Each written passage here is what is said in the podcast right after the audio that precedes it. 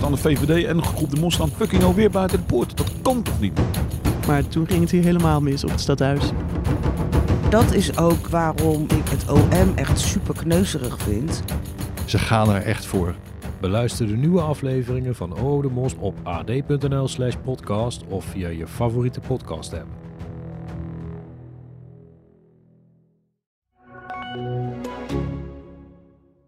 Allemaal speelt zich dat af in uw hoofd en nergens anders. Het is niet de waarheid namelijk, het is niet zoals het is in de, in de realiteit. Het is uw waarheid en niet die van anderen.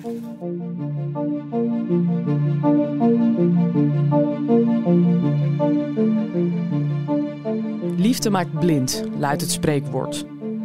Meestal is het iets moois en zorgt de verliefdheid ervoor dat je die gekke haren niet ziet of de slechte adem niet ruikt. Maar soms zorgt het ervoor dat grenzen vervagen of zelfs compleet overschreden worden. Mijn naam is Emma Ties en je luistert naar de zaak X. Een podcast van het AD in samenwerking met het podcastkantoor, waarin we wekelijks een spraakmakende rechtszaak bespreken. Met deze week haar stalker tatoeëerde haar naam.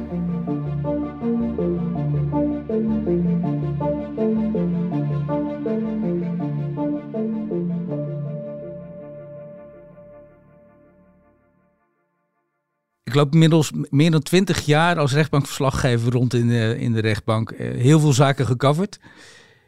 Ook veel stalkingzaken gehad. Maar deze gaat mij wel bijblijven omdat er zoveel bizarre details in zitten. Dat je denkt, hoe dan? Deze zaak speelt zich af in een klein dorp, ergens op het platteland van Zuid-Holland.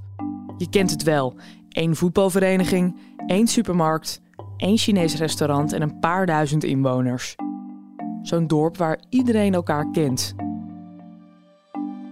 De hoofdpersonen in dit verhaal noemen we Arjan en Milene. Omdat het zo'n klein dorp is, gebruiken we niet de echte namen van de betrokkenen en noemen we ook niet de naam van het dorp. Arjan en Milene ontmoeten elkaar voor het eerst in 2014 als hun kinderen met elkaar spelen. Niels Dekker, rechtbankverslaggever voor AD de Dortenaar, vertelt. Kinderen worden opgehaald en dan zien Arjan en Milene elkaar. Nou, voor Milene getrouwd, gelukkig getrouwd, niks aan de hand. Maar voor Arjan is dat anders, want hij ziet haar. En hij, ook al is hij zelf getrouwd en is zij getrouwd, is hij op slag verliefd. En daar begint het verhaal. Die verliefdheid die, die neemt niet af, om dat zo te zeggen. Nee, die wordt meer en meer heviger en heviger. Eh, hij gaat dat uiten met brieven, bloemen, tekeningen. Eh, en zij maakt heel erg duidelijk aan hem: ik ben hier niet van gediend. Ik heb geen gevoelens voor jou. Nou, dat gaat zelfs zover dat zij op een gegeven moment ook zijn vrouw erbij betrekt om duidelijk te maken: van joh, gast, kappen je mij? Uh, maar dat lijkt eerder een trigger te worden voor Arjan om er nog een schepje bovenop te doen. Echt heeft hij voor ogen. Zij is de ware, ik moet voor haar gaan, ik moet haar veroveren. En dat neemt extreme vormen aan, tien jaar lang. Ja, wat voor meneer een droom is, een lange droom, is voor de familie van mevrouw een regelrechte nachtmerrie. En dat al jarenlang. En in 2014, zo maak ik op uit haar aangifte, heeft zij al gezegd, weliswaar tegen de vrouw, van meneer, dit wil ik niet. Dit moet stoppen. Al vanaf dat moment was het duidelijk, moet het duidelijk zijn geweest dat mevrouw niet zat te wachten op contact, in welke vorm dan ook. Hij is toch dat contact gaan zoeken, niet alleen met mevrouw, maar ook met haar dochters. Haar man, hij brengt bloemen waar niet op wordt gewacht. Hij schrijft liefdesbrieven. De tattoo, ja, dat is eigenlijk de meest indringende vorm, wat mij betreft, van de inbreuk op de persoonlijke levenssfeer, waarbij hij de namen van mevrouw en de dochters op zijn arm heeft laten zetten. En hij heeft daarmee te koop gelopen. Het hele dorp wist ervan. En nou moest zij leven met de gedachte dat die namen op haar, op uw arm hebben gestaan. De meest extreme vorm, die ook uitgebreid bij de rechtszaak wordt besproken, is een tattoo die hij laat zetten. Dus een groot hart met in het midden van het hart haar naam, de naam van Milène. En aan de zijkant van het hart de namen van haar drie kinderen. Nou, als haar dat ter oren komt, wordt ze, nou even plat gezegd, helemaal lijp. Het hele dorp weet dus van de tatoeage van Arjan. En het houdt niet op bij de tattoo. In het dorp gaat zelfs een filmpje rond waarin Arjan beweert dat de kinderen van Milène niet van haar man zijn, maar van hem. Arjan lijkt niet te stoppen. Zelfs de politie komt eraan te pas.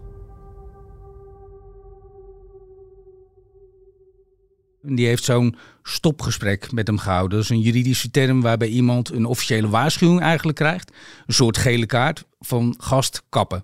Nou, dat is niet genoeg geweest. Er is niet exact tijdens de zitting verteld hoe vaak de politie bij hem langs is geweest. Maar het heeft heel erg lang, en dat is echt wel bijzonder, en misschien is dat vanwege een dorpse karakter, of dat hij toch door heel veel mensen als ongevaarlijk werd beschouwd. Uh, en als je Arjan ook zag tijdens de zitting, is dat nou niet bepaald iemand van wie je direct onder de indruk bent in die zin van dat hij heel erg gevaarlijk oogt. Een onopvallende doorsnee man die in het dorp waar hij woont, als je hem op straat tegenkomt, niet echt opvalt.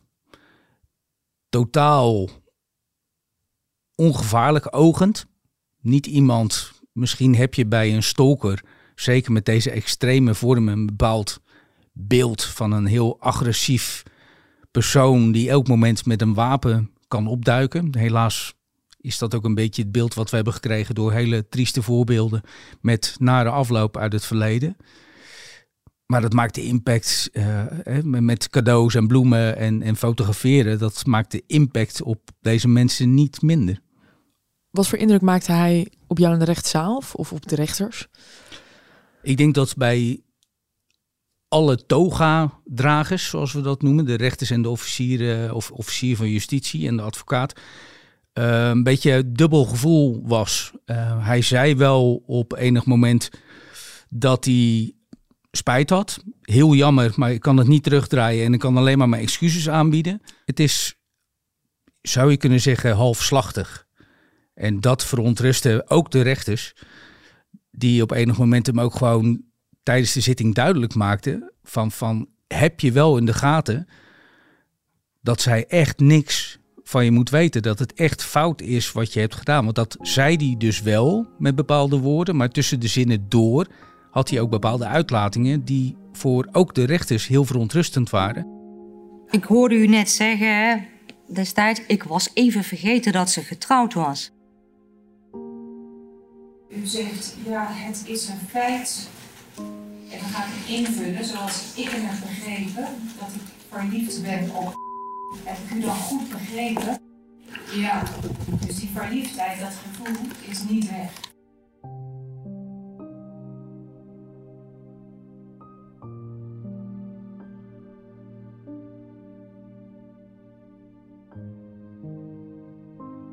Wat weten we over Milène en haar gezin? In ieder geval weten we, en dat is natuurlijk ook een belangrijke factor in deze zaak, dat zij gewoon getrouwd was en een gezinsleven had. Dat maakt dus ook heel erg duidelijk, want ze was daar dus met haar man en met alle kinderen en ook nog begeleiding.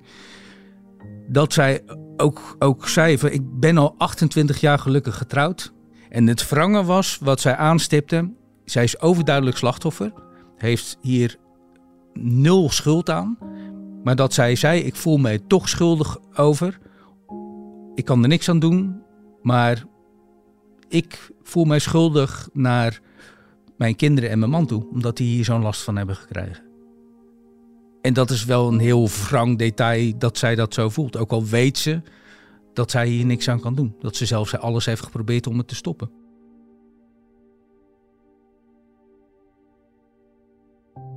En in die verklaring benadrukte ze dus eigenlijk dat ze vooral ook wil dat hij geholpen wordt ja, ze hoopt echt op gedragstherapie. Ze zei, ik hoef geen schadevergoeding. Ik, hij hoeft voor mij niet te cel en ik wil gewoon dat dit stopt, dat hij wordt geholpen. En ze vroeg om een levenslang contact- en locatieverbod. Waarschijnlijk omdat zij ook heeft gezien dat het contact- en locatieverbod, wat dus een klein jaar geleden is opgelegd, dat dat zijn vruchten afwerpt. Dat hij niet meer langs haar woning komt. Um, en uh, dat is een straal van 750 meter om haar woning dat hij niet meer mag komen. Nou, en hij schetste ook in de ondervraging door de rechters het beeld van ja, nou, ik ga nu eh, langs die en die plek eh, eh, ga ik naar, naar ergens anders op het platteland. En, en dat werkt eigenlijk wel prima.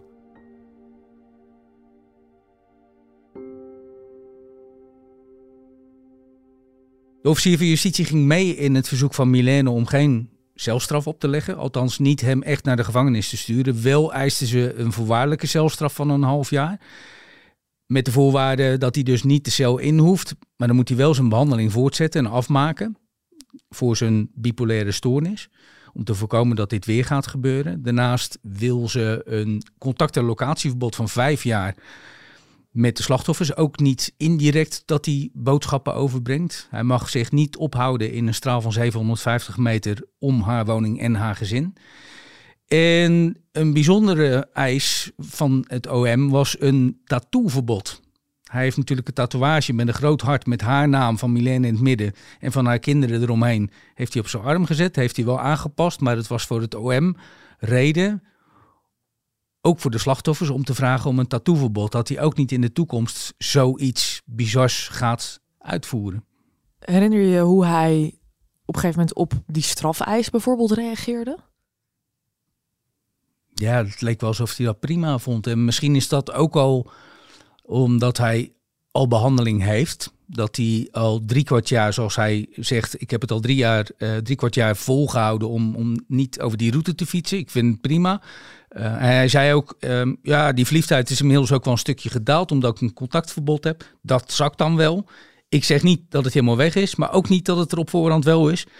Maar ik moet gewoon accepteren dat ze getrouwd is met hem. En zolang zij nog getrouwd is, moet ik pas het plaats maken. Dat heb ik toch niet in de hand. Dus dat was ook al een beetje het dubbele bij hem. Van enerzijds, ja, ik ben fout, het mag niet. En anderzijds ook wel weer, ja, het is iets wat er is. En uh, uh, daar heb ik ook wel een beetje hulp bij nodig. Dus je hield ook gewoon wel na afloop van de rechtszaak een gevoel over. Eindigt het hier?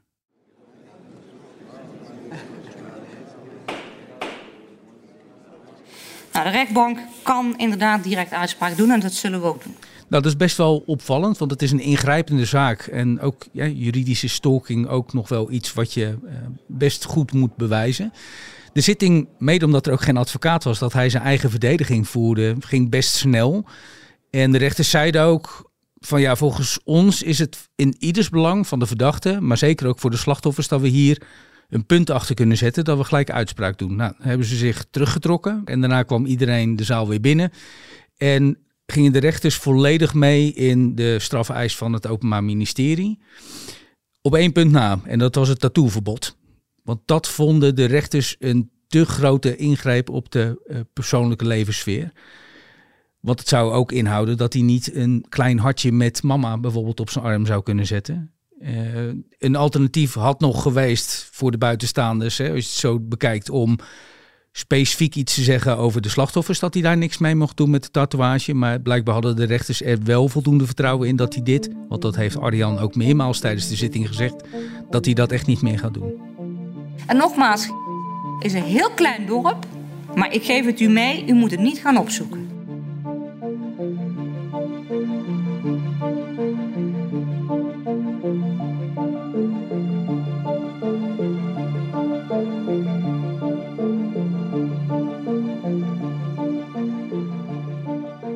Zaak X is een wekelijkse podcast van het AD. En deze aflevering werd gepresenteerd door mij, Emma Ties. Aan deze podcast hebben meegewerkt David Achter de Molen van het podcastkantoor, Rick Bolt, Joost de Kleuver, Anna Straus, Thomas Brouwer en Sanne Beijer. Als je meer details wil lezen over deze zaak, kijk dan op ad.nl slash de zaak X. Beelden van deze zaak worden gedeeld op de Instagram-pagina van de zaak X. Vond je dit een goede podcast? Laat dan vooral even een review achter, zodat we beter vindbaar worden voor nieuwe luisteraars. En wil je ook de volgende aflevering niet missen? Abonneer je dan op dit kanaal.